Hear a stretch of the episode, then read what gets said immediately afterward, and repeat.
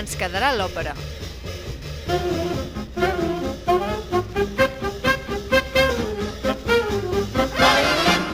La referència operística d'UAB Ràdio.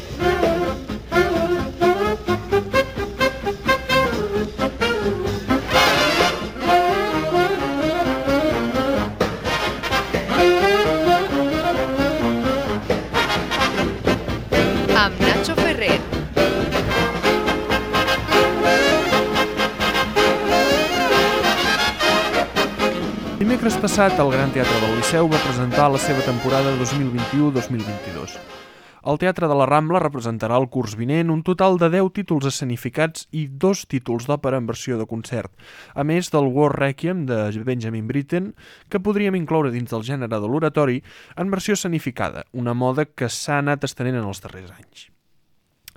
A més, el Liceu també presentarà cinc títols de dansa, entre els quals s'inclouen La nit de Sant Joan, de Robert Gerard, dintre de la voluntat del teatre de recuperar obres del patrimoni musical català, i el conegudíssim Trencanous de Tchaikovsky, i també organitzarà diversos concerts i recitals de diferents cantants, entre els quals es compten Piotr Bexaua o el tenor mexicà Javier Camarena, que segur que donaran, que donaran a la temporada un, un aire màgic. Avui dedicarem el programa a repassar només els títols escenificats de la temporada vinent, intentant d'oferir-vos un fragment de cadascun d'ells. A part d'això, i tal com ja vam fer en el seu moment amb Otello de Verdi i farem amb la Bohème de Puccini, la Lucia di Lammermoor de Donizetti i el My Fair Lady de Friedrich Loew, que són les tres òperes que encara resten de la temporada 2021, la temporada vinent us, us anirem oferint diferents dossiers que, sobre cadascuna de les òperes, quan faltin pocs dies de la seva, de la seva estrena, intentarem repassar l'argument, la història, cantants i grans, i grans moments d'aquestes òperes. Avui, però, tenim molta feina perquè hi ha molts títols a comentar. Sense més preàmbuls, comencem.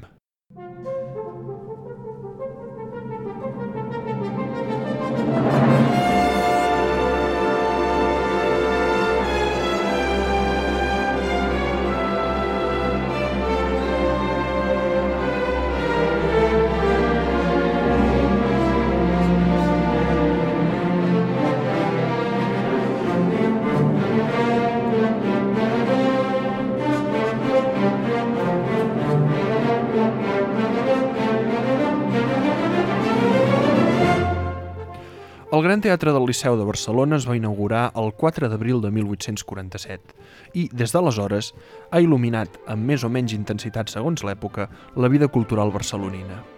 Aquest 2022, doncs, s'escau el 175è aniversari de la inauguració del teatre i la direcció artística, encapçalada pel director artístic Víctor García de Gomar, ha decidit programar com a òpera inaugural l'obra Ariadne of Naxos de Richard Strauss.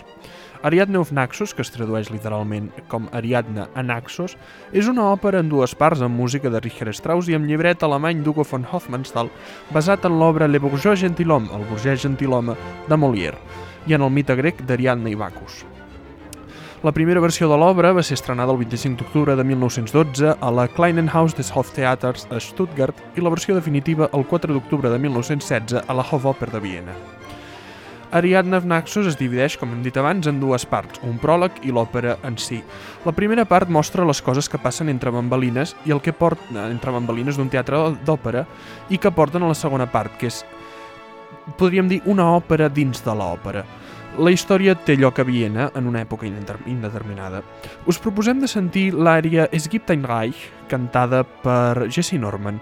En aquesta àrea, la prima dona, Ariadne, eh, plena de dolor per, perquè l'ha abandonat el seu, el seu amor Teseu, Ariadne descriu eh, la terra de la mort en la qual anirà per fugir de les seves penes. Saluda la mort pensant en la terra en la qual anirà i on serà més feliç. Sentim aquesta àrea, és Gibt ein Reich, cantada per la soprano nord-americana Jessie Norman. Es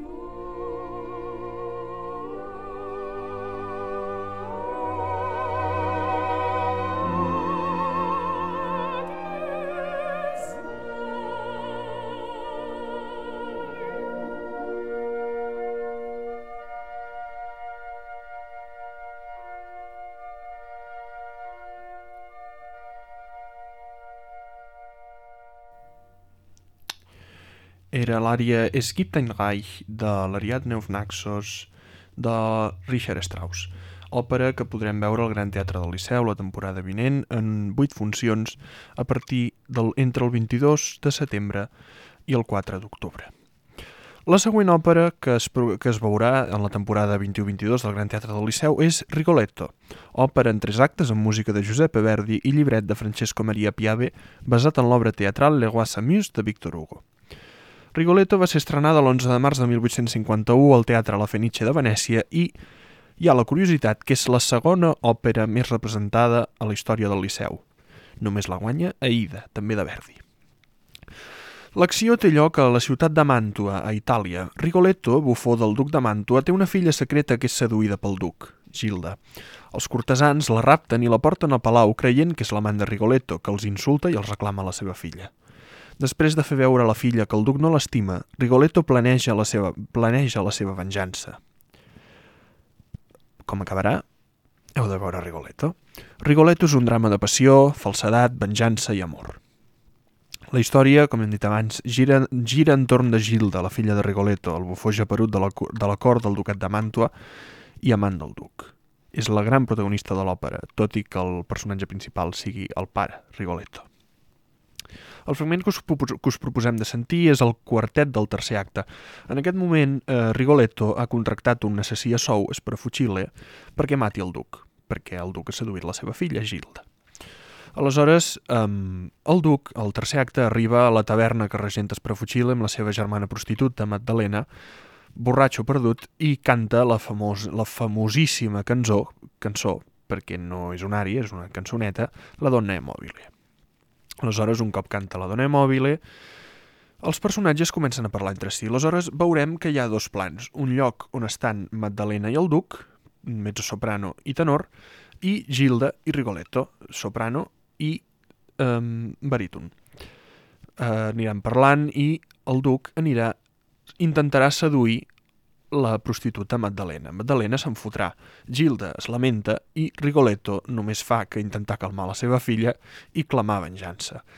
És el meravellós quartet del tercer acte de Rigoletto interpretat per mm, Anna Netrebko com a Gilda, Ludovic Tessier com a Rigoletto, Elina Garanca com a Magdalena i Ramon Vargas com a Duc de Màntua. Gaudiu-ne! Ben rammentami El duc intenta seduir Magdalena.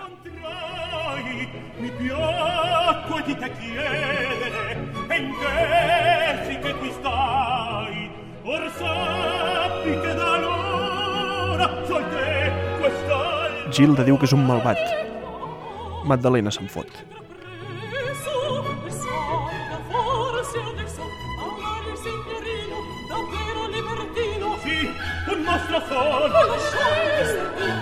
Il che fracassa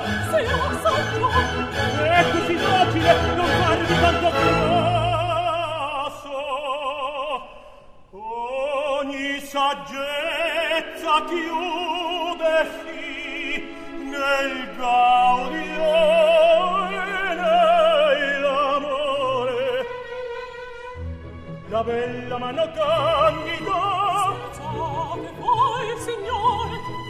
no no. Abbracciami d'amor ardente non ho ti può sposare Rigoletto diu que ja n'hi ha prou. non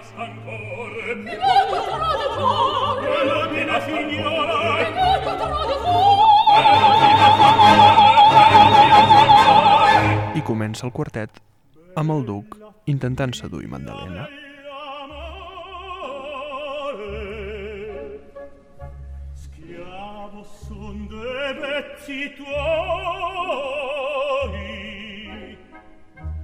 Con un detto, un detto sol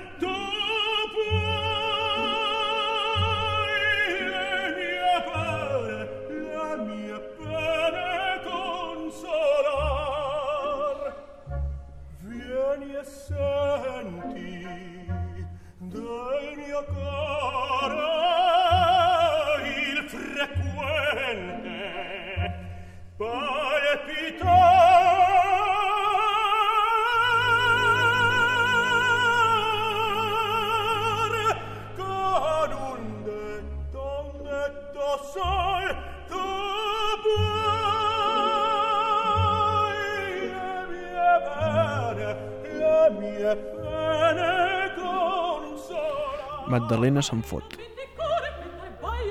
Gilda es lamenta.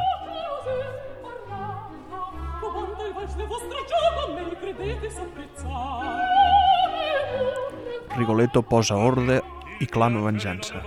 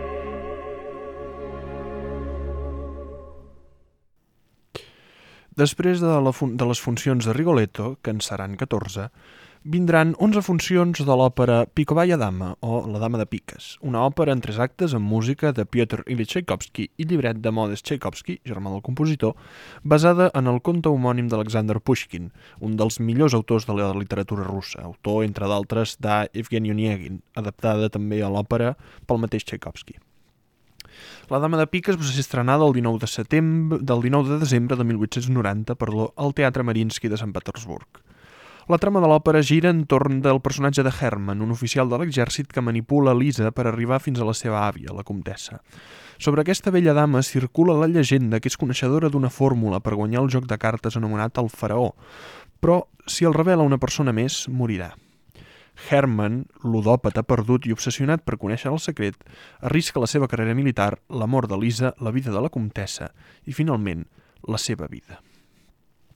Sentirem de la dama de piques de Tchaikovsky l'àrea Ja vas, Llubliu, i jo t'estimo, eh, àrea que canta el príncep, eh, que és el promès de, de Lisa, en la qual li explica que l'estima i que s'hi vol casar li diu que faria qualsevol cosa per ell, per ella, i que no entén que Lisa no l'estimi. Lisa, en el fons, estima Herman.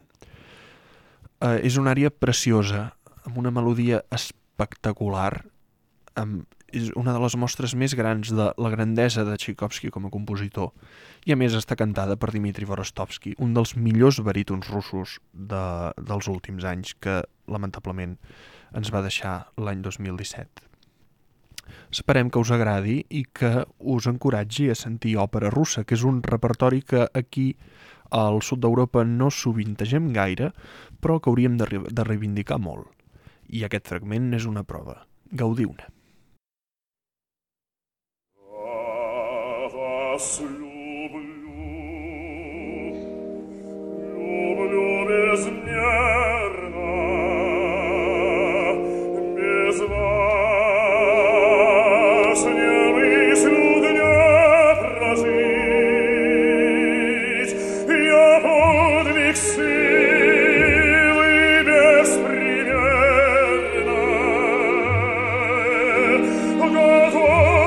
Jesu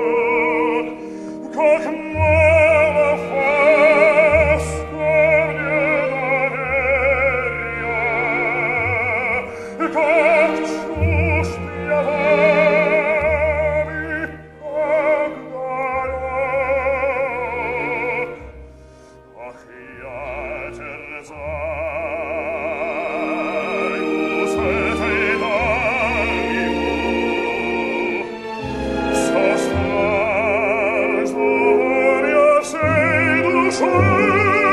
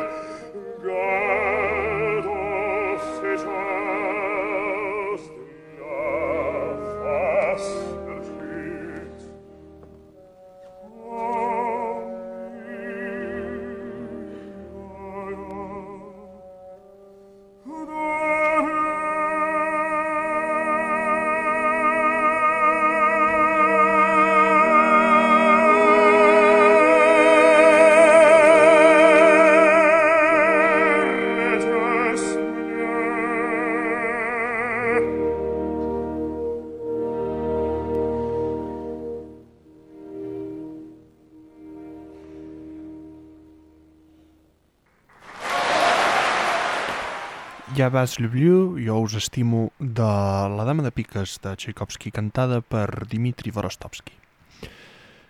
Òpera que podrem veure, La dama de piques, en 11 funcions al Gran Teatre del Liceu el mes de gener de l'any 2022. Immediatament després aterrarà a l'escenari liceïsta l'òpera Péléas et Mélisande, òpera en cinc actes de Claude Debussy, amb llibret en francès eh, adaptat del cèlebre drama, simbolista de Maurice Maeterlinck, del mateix nom, Péléas et Mélisande, estrenada a l'Òpera Còmic de París el 30 d'abril de 1902. Péléas et Mélisande és una òpera que representa estrenada a principis del segle XX, el primer model d'òpera moderna, al, al qual s'afegirien després les òperes d'Alban Berg. Eh, parlarem de Berg una mica més endavant en aquest programa, i d'altres compositors contemporanis. El problema principal que es trobaven els, els operistes a principis del segle XX era com s'havia d'estructurar una música que pogués il·lustrar la dramatúrgia moderna que comença a finals del segle XIX. Esgotats els experiments de molts compositors, tant els baristes a Itàlia com els post-wagnerians a Alemanya, eh, no hi havia més que un camí de tornada al passat, és a dir, recitar cantant. D'aquesta manera neix eh, un terme alemany anomenat Sprechgesang, que es podria traduir com a mm, cant parlat o parla cantada, eh, que comença amb, amb el cicle de cançons Pierrot, Pierrot Lunaire, de, del compositor vienès Arnold Schoenberg, la declamació del Renard d'Igor Stravinsky o la melopea, cantilena expressiva inventada per Debussy per el seu Peleas. D'aquesta manera, Peleas, la primera òpera o la primera obra en el temps, dintre d'aquesta renovació estètica que pateix l'òpera a principis del segle XX i a la qual hem fet referència en algun programa anterior, mm, Debussy, amb, el seu, amb la seva melopea, aporta la solució més original a un problema que pesava en el teatre musical. Quina era la manera de tractar la veu en ple segle XX? A Peleas i Melisande, Debussy assaja una mena d'òpera diferent a la que abans s'havia fet – a vegades fins i tot s'ha arribat a parlar que aquesta òpera és una antiòpera, perquè més que cant hi ha una declamació contínua. Per descomptant, no té números tancats ni melodies enganxoses. Això ja, ja està superat des de fa uns 30 anys. A més, l'estatisme de l'acció no té punts de connexió amb l'espectacle líric, líric convencional. Els papers estan escrits en la seva tessitura, és a dir, en el seu registre central. No hi ha mai ni estridències ni explosions de virtuosisme, és un cant pla, gairebé encefalogràmicament pla. Els personatges no deixen gairebé entreveure els seus desitjos i aspiracions, sinó que actuen i senten sense motiu aparent. Melisande, a més, és un dels personatges més ambigus i complexos de la història de l'òpera. És una noia defen és una noia indefensa, però alhora és una fem fatal, amb pors que no semblen tenir un origen clar. És, sens dubte, Peleas de Melisande, una de les òperes més interessants de la història del gènere. I tenim molta sort que el Liceu l'hagi programat, perquè és, una, és un títol clau. Per tal d'il·lustrar-lo i sentir de què va aquesta música de Debussy i com funciona tot això que hem dit abans, que teòricament és molt complicat, però ja veureu que la pràctica es tradueix relativament fàcil. Sentirem un primer, un, un, sentirem un fragment de la primera escena del primer acte de l'òpera Péléas et Mélisande de Claude Debussy.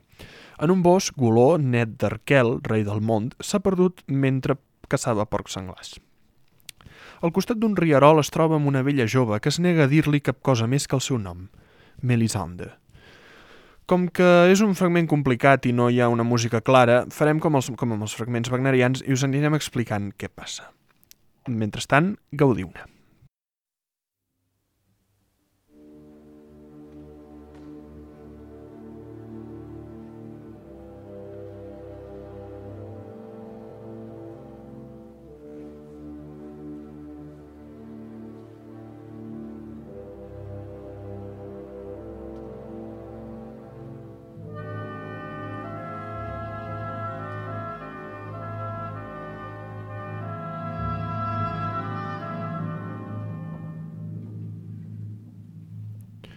A l'escena no hi ha res, només Melisande al costat d'una font. L'escena mostra Goló, que va amb les seves armes de, amb les seves armes de caça buscant el seu lloc per sortir d'aquest bosc.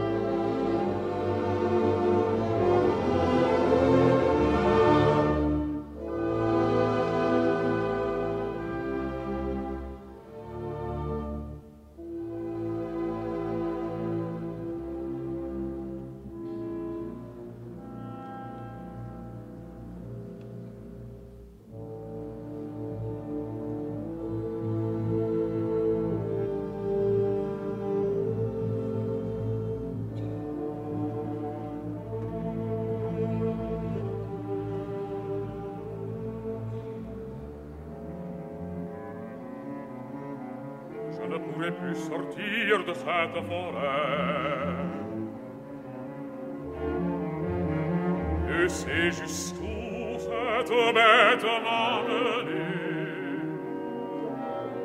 Je croyais cependant l'avoir blessé à mort Et voici les traces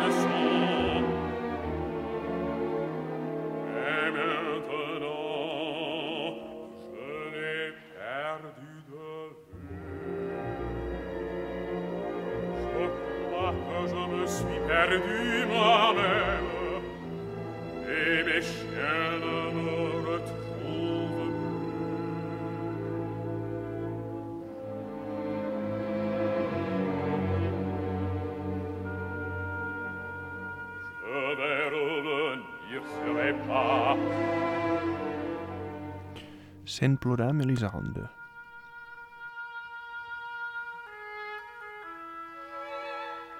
J'entends pleurer. Oh, oh, qu'y a-t-il là au bord de l'eau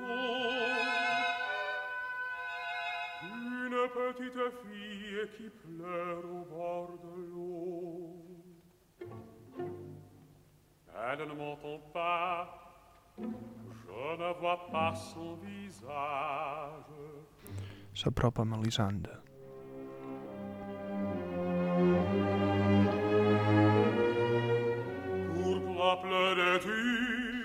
Melisande salta, espantada. N'ayez pas peur, vous n'avez rien à craindre. Pourquoi pleurez-vous No em toqui. Ne me touchez pas Ne me touchez pas N'ayez pas peur, je ne vous ferai pas. Oh, vous êtes belle. Ne me touchez pas Ne me touchez pas Oh, j'aime, jette à l'eau Je ne vous touche pas. Voyez, je resterai ici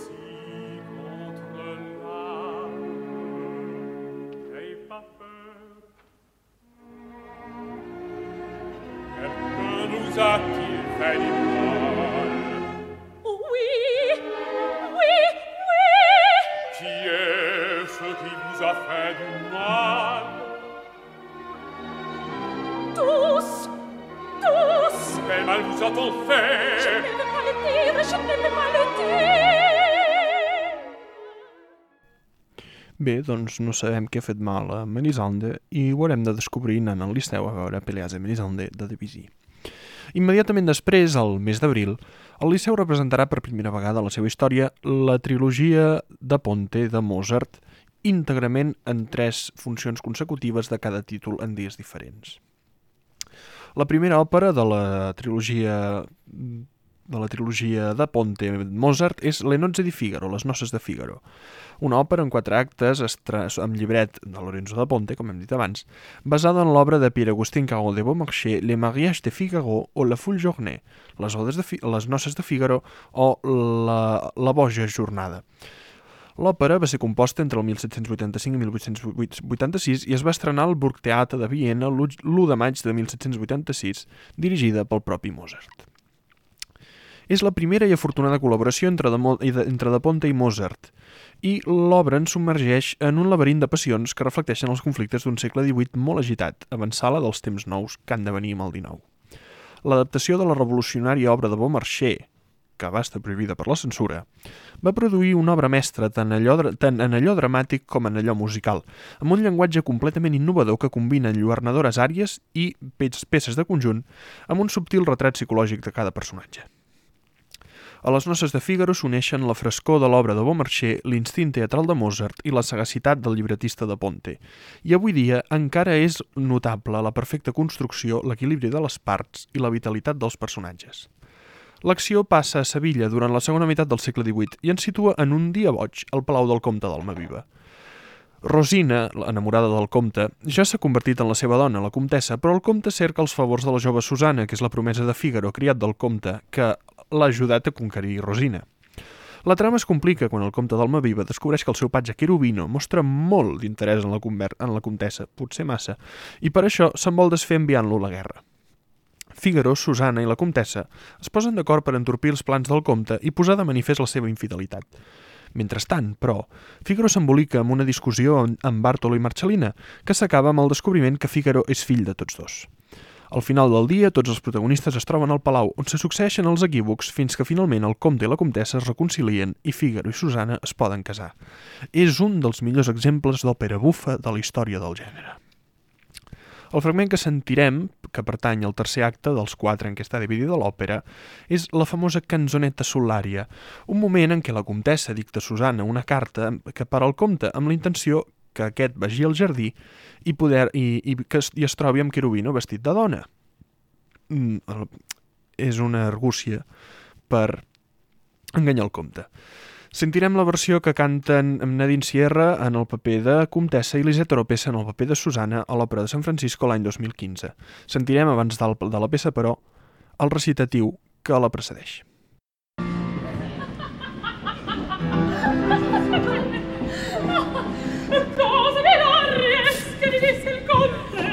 Conte Ci si leggeva in fronte il dispetto e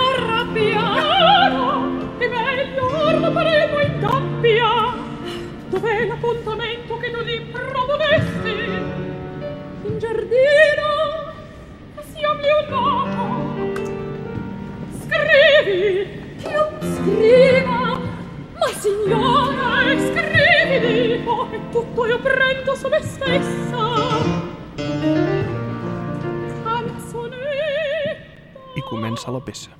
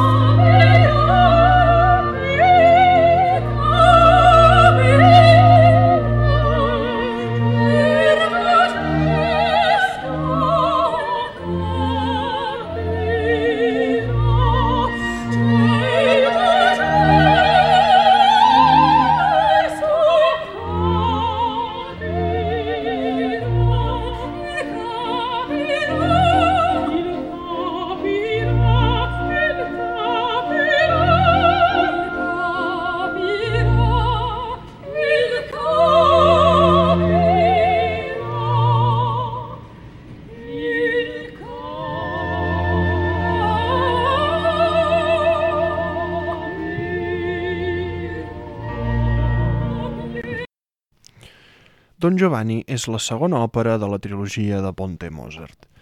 Don Giovanni o sia il dissoluto punito, literalment Don Giovanni o, o sigui, el llibertí castigat, és una òpera en dos actes amb música de Mozart, com l'anterior, i llibret de Lorenzo da Ponte, com l'anterior. El llibret està inspirat en el llibret de Giovanni Bertatti per a una òpera de Giuseppe Ganizzaga, eh, Don Giovanni, o sigui, il convitato di Piedra, estrenada Don Giovanni, o sigui, el convidat de pedra, estrenada a Venècia l'any 1787 i basat llunyanament en El burlador de Sevilla i Convidado de Piedra, eh, obra atribuïda durant molt temps a Tirso de Molina, però que recent, recentment s'ha vist que sembla que és d'un autor italià de la mateixa època. L'òpera de Mozart, sigui com sigui, es va estrenar a Praga el 29 d'octubre de 1787. I la història té lloc a Sevilla, com el cas de les noces de Figaro, i explica la història de Don Giovanni, que intenta seduir Donna Anna, però acaba lluitant i matant el seu pare, el comanador. Aleshores comencen un seguit d'embolics en què Don Giovanni intenta seduir alguna altra noia i fugir d'algun promès gelós, fet que aconsegueix amb l'ajuda del seu criat Leporello. Al final, el fantasma del comanador s'emportarà un Don Giovanni a l'infern que realment mai no es penedirà de les seves malifetes. En el fragment que sentirem a continuació, l'àrea del catàleg, té lloc quan Don Joan i Leporello arriben i escolten a una dona, arriben a una plaça a Sevilla i escolten a una dona lamentant-se que ha estat real, recentment abandonada i desitja venjar-se. Don Joan, Don Giovanni, comença a flirtejar amb ella, però quan li veu el rostre, la dona té la cara tapada, reconeix en ella una recent conquesta, Don Elvira. En adonar-se mm, don, Giovanni li diu a Leporello que t'expliqui a Elvira la, la veritat i fuig. Leporello aleshores intenta consolar Elvira desenvolupant una llista de tots els amors que don Giovanni ha anat deixant pel món. Còmicament dicta el nombre d'amants que el seu amo ha tingut i els, països, i els seus països d'origen. 640 amants a Itàlia, 231 a Alemanya, 100 a França, 91 a Turquia, però, com dirà Leporello, ma in Espanya, aquí a Espanya, 1.003 amants, és a dir, 2.065 dones en total. Sentim l'ària Maddamina il catalogo e questo, senyoreta, aquest és el catàleg, del primer acte del Don Giovanni de Wolfgang Amadeus Mozart, cantada per Erwin Schrott. Madamina, il catalogo è questo, delle belle chiamò il padron mio un catalogo liete ho fatt'io osservate leggete con me osservate leggete con me. In Italia 640 in Almania 231 cento in Francia, in Turchia, 91 ma in Ispania. ma in Ispania son già mille tre, mille tre, mille tre, ma fra queste contadine, cameriere cittadine, ma contesse baronesse, marchesone, principesse e bandonne d'ogni grado, d'ogni forma, d'ogni età, d'ogni forma, d'ogni età. In Italia 640 e in Almania 231 cento in Francia, in Turchia, novantuna, ma, ma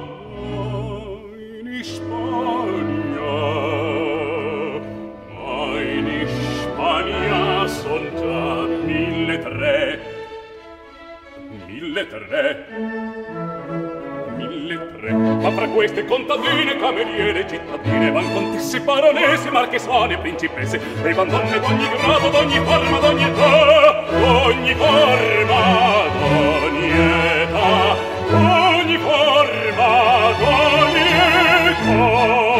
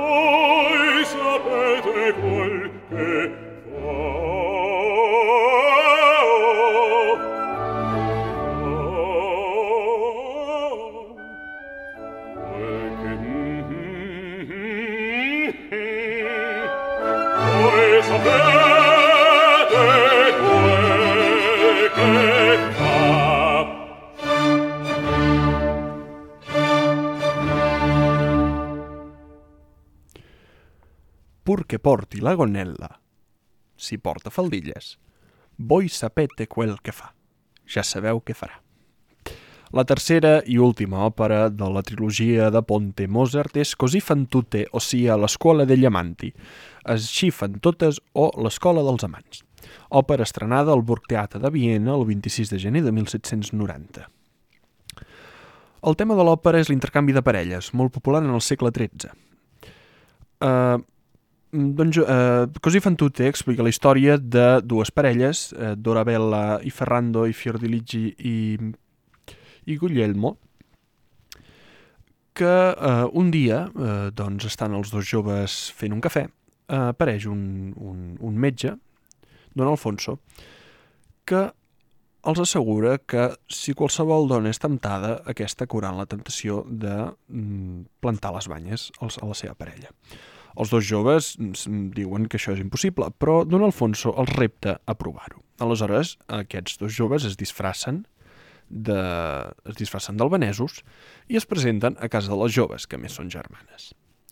Aleshores, els dos joves intenten seduir Fiordiligi, una de les, una de les germanes, i mm, parella de Guglielmo.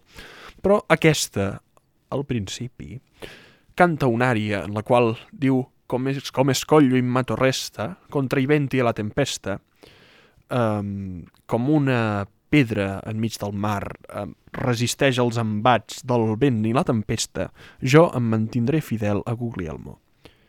De moment. Sentim com la canta Cecilia Bartoli.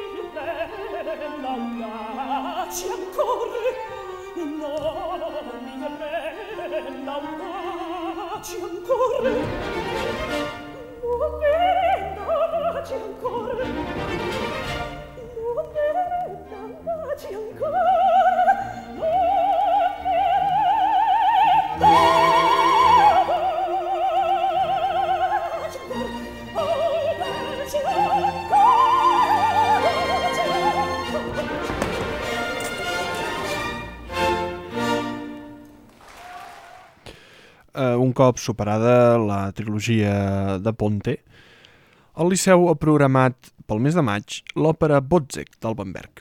Composta entre 1914 i 1922, no es va estrenar fins al 14 de desembre de 1925 a l'Òpera Estatal de Berlín sota la direcció d'Erich Kleiber. L'òpera està basada en l'obra de teatre inacabada del dramaturg alemany Georg Büchner, Boitzek, no Botzek, com el títol de l'òpera. Botzek va fer ell mateix el llibret de l'òpera per crear una òpera en tres actes compactes amb cinc escenes cadascun. Té un lloc sòlid en el repertori tradicional de diversos llocs del món. Si bé és veritat que el seu estil musical és desafiador, la qualitat de l'obra de Berg, en particular la caracterització de les situacions amb tècniques musicals clarament, clarament definides, fan de Botzek una òpera moderna que satisfà fins a l'oient més tímid evita els estereotips operístics i és seriosa i persuasiva al mateix temps. El seu tema, la, la inevitabilitat de la duresa i l'explotació dels pobres, està present en forma brutal i sense compromisos. El fragment que sentirem és la mort de Botzek. Després de veure en una taverna la seva dona Margaret, que li, que li fa el salt amb, amb un oficial de l'exèrcit, al qual pertany Botzek, que és un soldat, eh, Botzek l'apunyala. Tothom l'escridassa i ell, agitat i obsedit amb la sang, fuig de la taverna. Aleshores, mm, torna a l'escenari del crim, aleshores torna a l'escenari del crim i eh, busca el ganivet que, que, que ha utilitzat, perquè pensa que el pot incriminar. Aleshores el llença a l'estany. Aleshores, a l'estany, mm, apareix una lluna vermella, que és un senyal de mal auguri, i Botzek es, es fica dins l'aigua. Es submergeix, es submergeix i s'afoga. És una música molt diferent de qualsevol cosa que haguem posat en el programa fins ara. Eh, us avisem que de debò que no té res a veure amb res que haguem sentit fins ara. Tot i això us anirem explicant què va passar en el fragment. Eh, esperem que us agradi.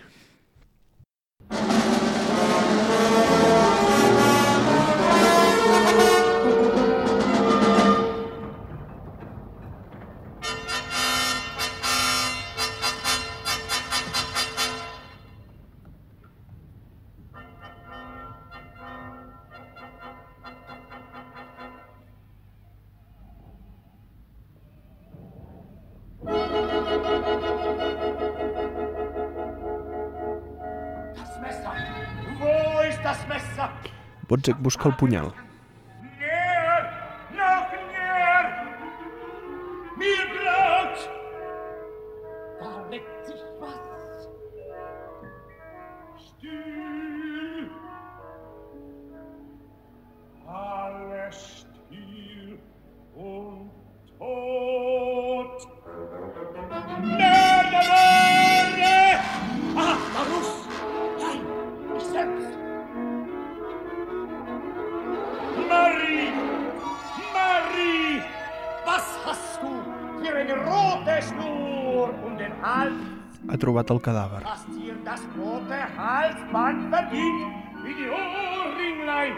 Deiner Sünde.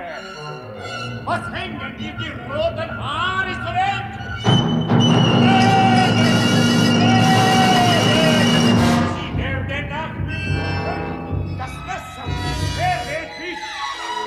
Troba el punyal. El llença a l'estany.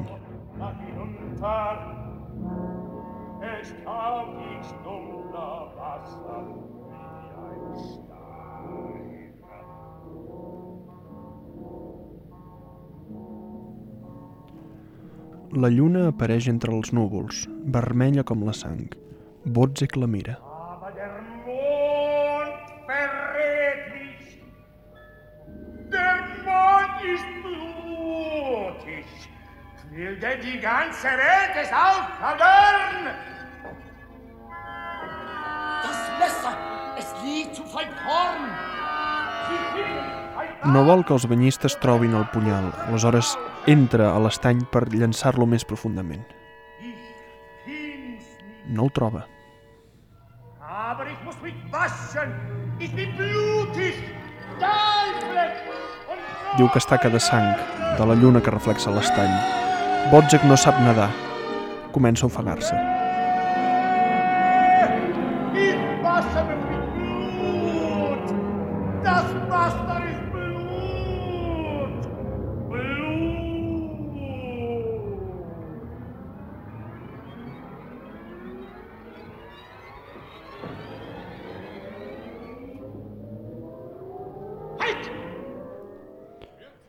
Botzek és mort.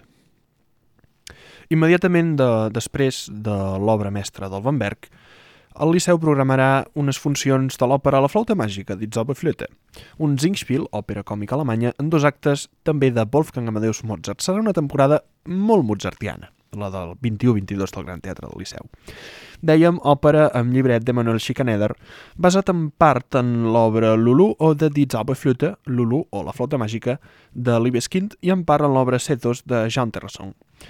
La primera representació va tenir lloc a Viena el 30 de setembre de 1791 al Theater auf der Wieden, dos mesos abans de la mort de Mozart.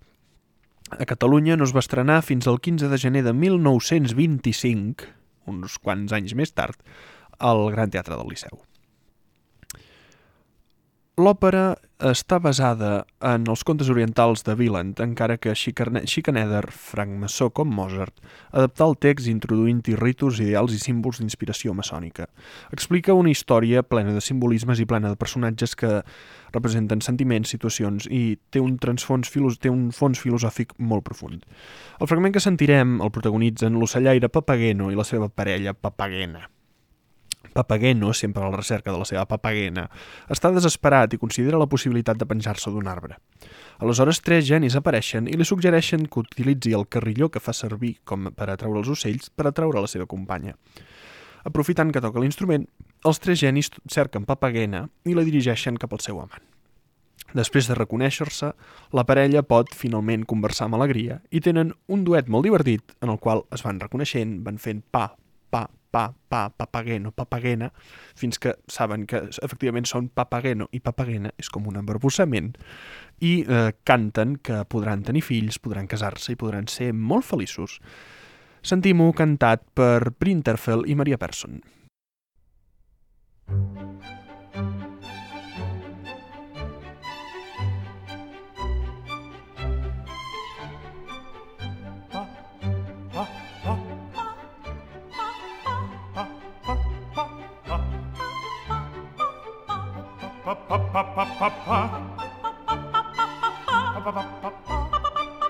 Papagena, bist du mir nun ganz gegeben? Nun bin ich dir ganz ergeben. Nun so sei mein liebes Weibchen, Nun so sei mein Herzenslübchen. mein liebes Weibchen, mein liebes Weibchen.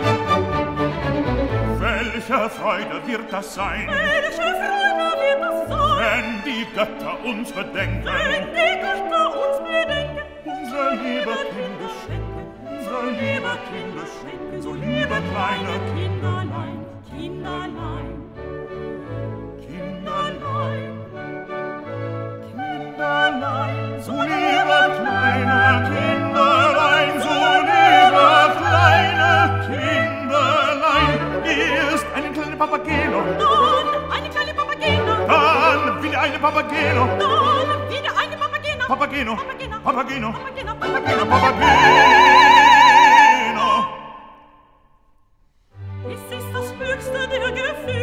das höchste der Gefühle. Mit vielen Könnten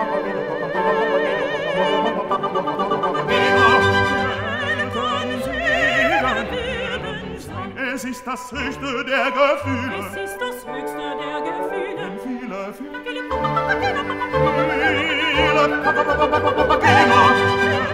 Könnten Sie dann leben sein.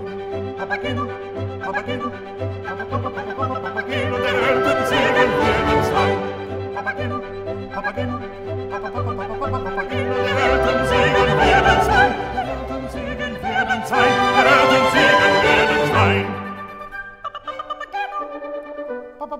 Papageno, Papageno, Papageno, Papageno, Papageno.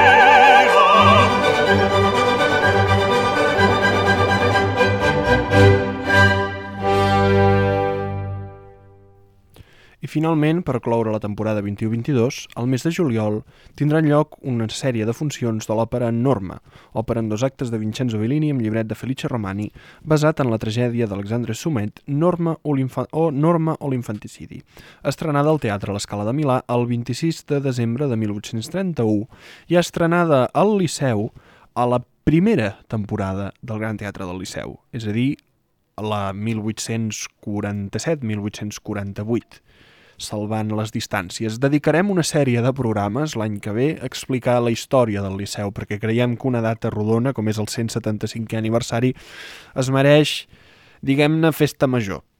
Aleshores, en... entrarem en detall a explicar per què dir temporada 1847-1848 és una mica és una mica fals. Però bé, la qüestió, que es va estrenar la primera temporada del Liceu el 16 d'octubre de 1847, mig any després de la inauguració oficial del teatre. Norma és una de les millors òperes del gènere conegut com a bel canto, el primer romanticisme italià. El personatge protagonista, Norma, és, es considera com un dels papers més difícils del repertori de soprano. No només és la millor obra de Bellini, sinó que és la més universal i realment la que millor aguanta el pas dels anys. És podríem dir que és la millor obra de Bellini. No... L'argument es centra en Norma, una, una sacerdotessa gal·la que, malgrat el vot de castedat, manté un idili amb el governador romà Polione. Norma prova d'impedir la rebel·lió contra Roma, confiant en que arribarà la pau i el retorn de l'estimat als seus braços. Polione, però, s'enamorarà de Dalgisa, una altra sacerdotessa druida. Norma, desenganyada, convenç els druides perquè ataquin Roma. Aleshores, Polione viola el temple per reptar del Gisa. El se'l duen pres i Norma li proposa una alternativa, morir a la, foguera, morir, morir a la foguera o anar-se'n de la Gàlia sense del Gisa, la qual morirà com a, com a sacerdotessa renegada. Polione, però, no accepta l'oferta i demana clemència per la seva estimada i que sigui ell l'executat. En veure que Polione és, lla és lleial a del Gisa, Norma es fa còmplice de la traïció i explica als druides que ella mateixa és la sacerdotessa deslleial. Polione, penedit pel seu comportament i admirat pel valor i l'amor de Norma, prenent-li la mà, avançarà cap a la pira. Sentirem la cavatina, és a dir, l'àrea de sortida del personatge de Norma del primer acte de la, de la Norma, de Vincenzo Bellini, Casta Diva, òpera, eh, fragment que creiem que no necessita gaire presentacions. És una invocació a la lluna i una pregària per la pau. Gaudiu-la molt, cantada per Maria Calas, peça que avui clourà el programa. Ens retrobem la setmana que ve amb un nou programa de Sempre ens quedarà l'òpera, la referència operística d'UAB Ràdio. I ara, Casta Diva, cantada per Maria Calas.